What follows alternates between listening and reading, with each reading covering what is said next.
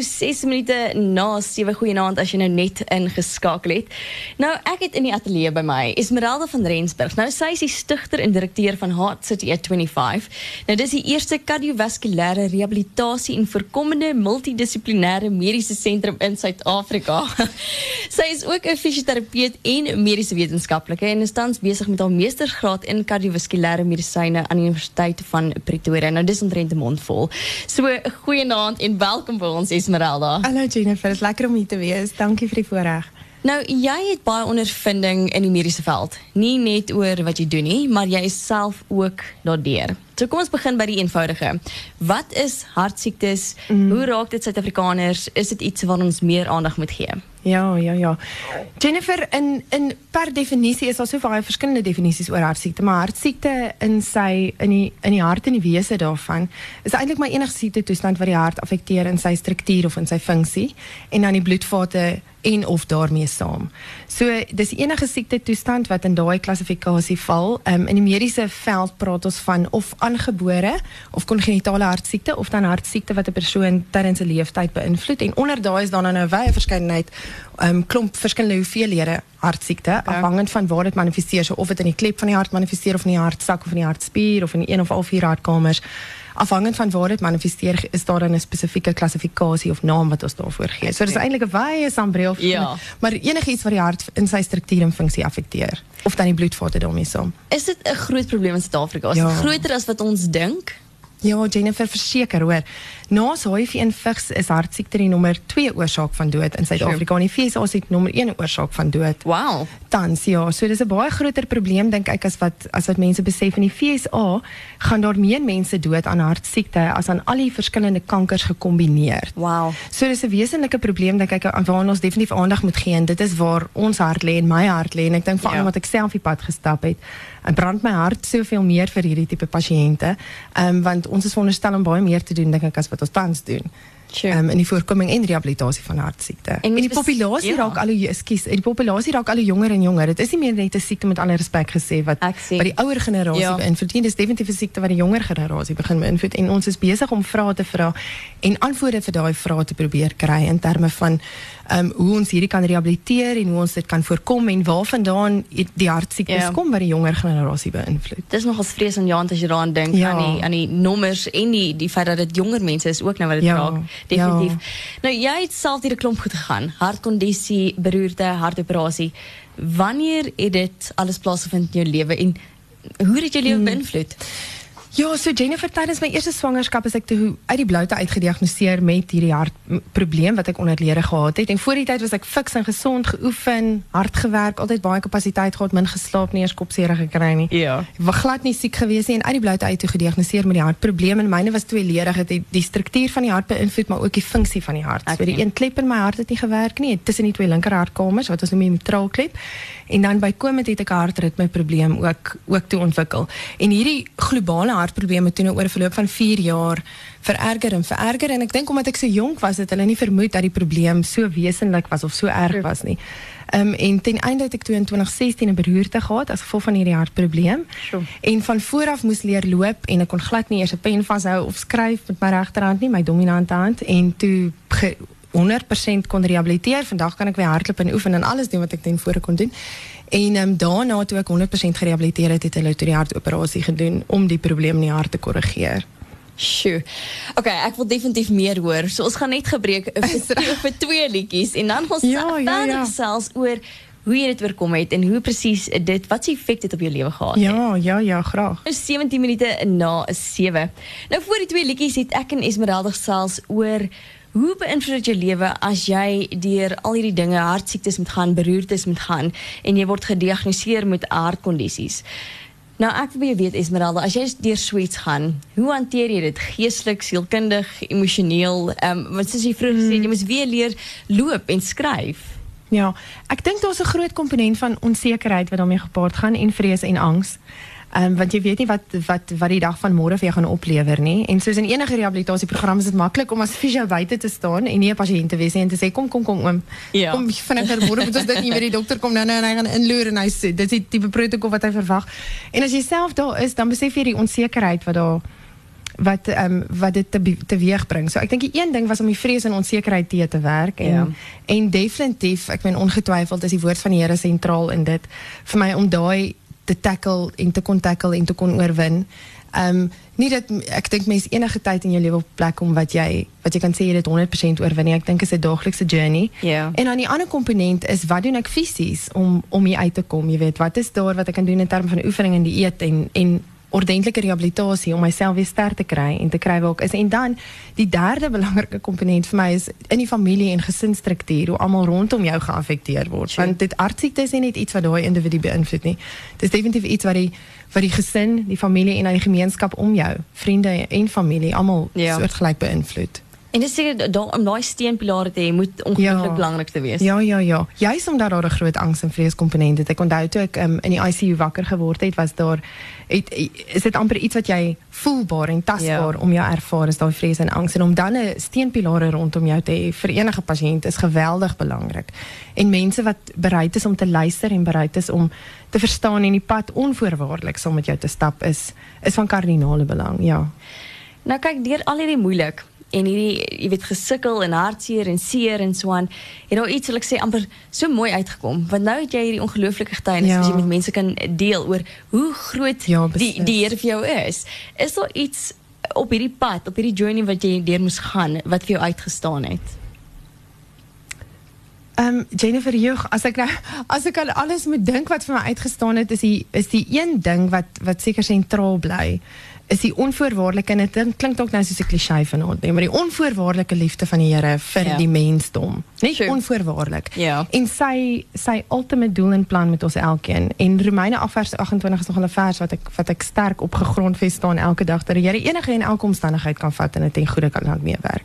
En ek dink ons sit met baie ek en jy het ook nou in die breek bietjie gesels met vooropgestelde idees in terme van siekte en genesing en en as daar genesing is is ons hart net soos Jesus se hart vir die mensdom. Ag as daar siekte is is, is ons hart net soos Jesus se hart vir die mensdom genesing en ons ons tree en ons bid en ons self en ons doen als ons probeer al die bokse tik wat die woord ons leer om te tik. En dan is dit net nie so voor die hand liggend nie. Dan is dit soms dat daai pasiënt of daai persoon of daai familielid of daai gesinslid of die man of die vrou deur die proses moet deurstaan. Ja. Ehm um, so ek dink ehm um, ja, dis 'n dis 'n lang proses en dis 'n yeah. dis 'n groot getuienis en daar's baie wat die Here kan kom doen uit uit enige en elke situasie en dit is dit is dit wat vir my uitgestaan het, is die onvoorwaardelike liefde van die Here teenoor my, teenoor die mensdom en maak nie saak wat ek in my kop het nie en die planne en die lysies wat ek elke yeah. dag maak en waarna toe ek wil gaan en wat ek beplan vir my gesin of my loopbaan nie. Maak eintlik niks saak nie want die Here bly ultimately in beheer. Oh. En om te kan oorgee en te kan surrender en te sê ja Here, ek aanvaar dit, maak nie saak wat môre kom nie. Yeah.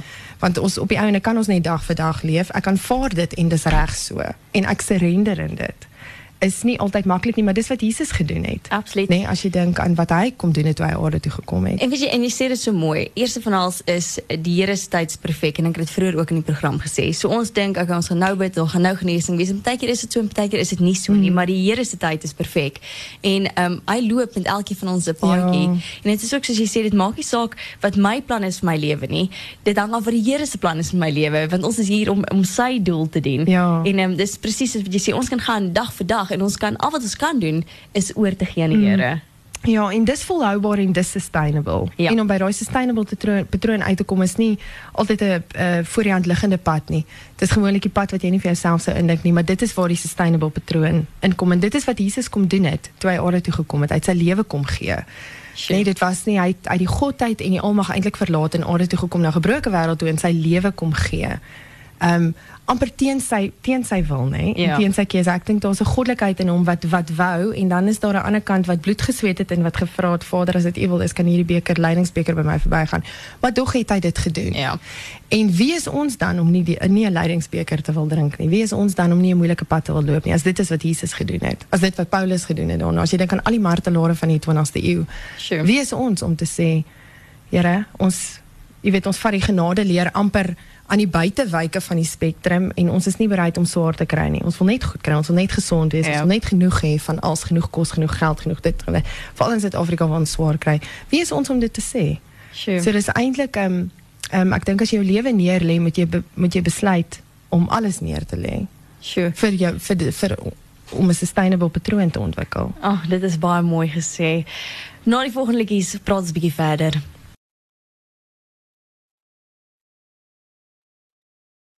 Dis nou half 8 en ek gesels met Esmeralda van Rensburg oor haar kragtige getuienis oor hoe sy al haar hartsiektes oorkom het. Nou Esmeralda, ek het gelees tot jy verstaan wat jy geskryf het.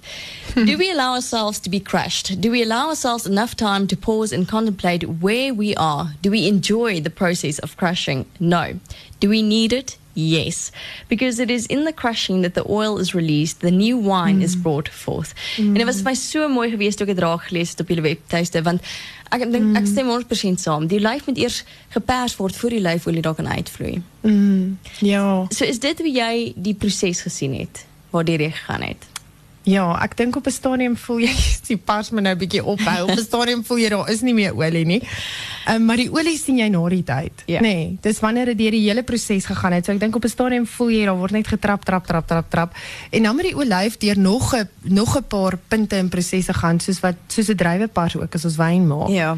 Lê dit nie net in die persproses nie, dit lê in die vervolmaking van daai van daai spesifieke wyn wat gemaak word. Ja. En ek dink wanneer jy daai proses kan deurstaan, ja, um, bring daai dis daar's so 'n mooi skrif wat sê um, it's the anointing oil that breaks the yoke en dis nog al 'n groot steenpilaar vir ons in Hart City um, met die anointing oil en die, en ons self alles waarmee ons elke dag besig is sure. want ons glo en ons vertrou die Here dat daai yoke van pasiënte se lewens sal afval die yoke van siekte die yoke van depressie die yoke van sonde van dood van angs van vrees um, Ja, daar is 'n powerful skrif, né? Nee. Ja, dit is ja. dit is baie mooi gesê. dit is regtig baie mooi gesê.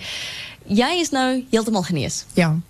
100%, 100%. Dis dis fantasties. Ja. Dis regtig regtig fantasties. En wat 'n wonderlike getuienis om nie buite te kan vat of mense sê, weet jy, ek was deur al hierdie goed gewees. Ek het aan die ander kant uitgekom en ek kan die Here dank daarvoor. Ja. Ja, dis wonderlik. Is so groot voorreg hoor. En nou as ek na die tyd staan, kan ek presies sien hoe die en terugkyk kan ek presies sien hoe die Here alles gevat het en dit en goeie laat meewerk het. Sure. Soos ons nou voor die breek ook gepraat het. Ja. Um oor Romeine 8 vers 28 en ek kan letterlik sien hoe hy eintlik van kinds dae af begin het om dinge aan mekaar te flans sure. en en gebeurtenisse aan mekaar te vleg vir my om te weet waar ek vandag is in die bediening waar ek is want ek sien dit absoluut is 'n bediening my werk. Ja. En dan die pasiënte wat ons die voorreg het om elke dag te bedien. Um ja. Just is fantasties. Op 'n heeltemal ander noot, prakties. Mm. Hoe moet mense beter na hulle harte kyk? Wat moet hulle doen? Is daar 'n spesifieke dieet wat mense moet volg? Moet jy harder oefen? Jy weet, hoe hou ja. jouself bietjie meer gesond en word bietjie meer bewus van hartsiektes? Ja, so Jennifer, daar's klomp risikofaktore vir hartsiekte en ek dink die eerste stap sal wees om te kyk na daai risikofaktore en seker te maak dat al daai risikofaktore in jou lewe in orde is. Um, van bloeddruk tot cholesterol tot bloedsuiker, daar is drie baie belangrike risikofaktore wat wat jaarliks 6 maandeliks jaarliks um, gemonitor kan word deur jou naaste algemene praktisyn of 'n spesialis wat oor jou geval aangestel is. Um, en dan nog 'n baie belangrike risikofaktor is die streshantering. Ja. Um, om emosionele en fisiese stres te kan hanteer. Um, om 'n ge, ge, groot genoeg en goed genoeg um, uitlaatklep te hê vir jou stres fisies of emosioneel ja. om te kan praat oor omstandighede, om met iemand te kan praat buite jou omstandighede wat objektief jou 'n goeie opinie te kan gee. Enige iets om al moet jy gaan oefen om stres reg te kan hanteer, ja. maar om 'n goed, goed genoeg uitlaatklep te hê.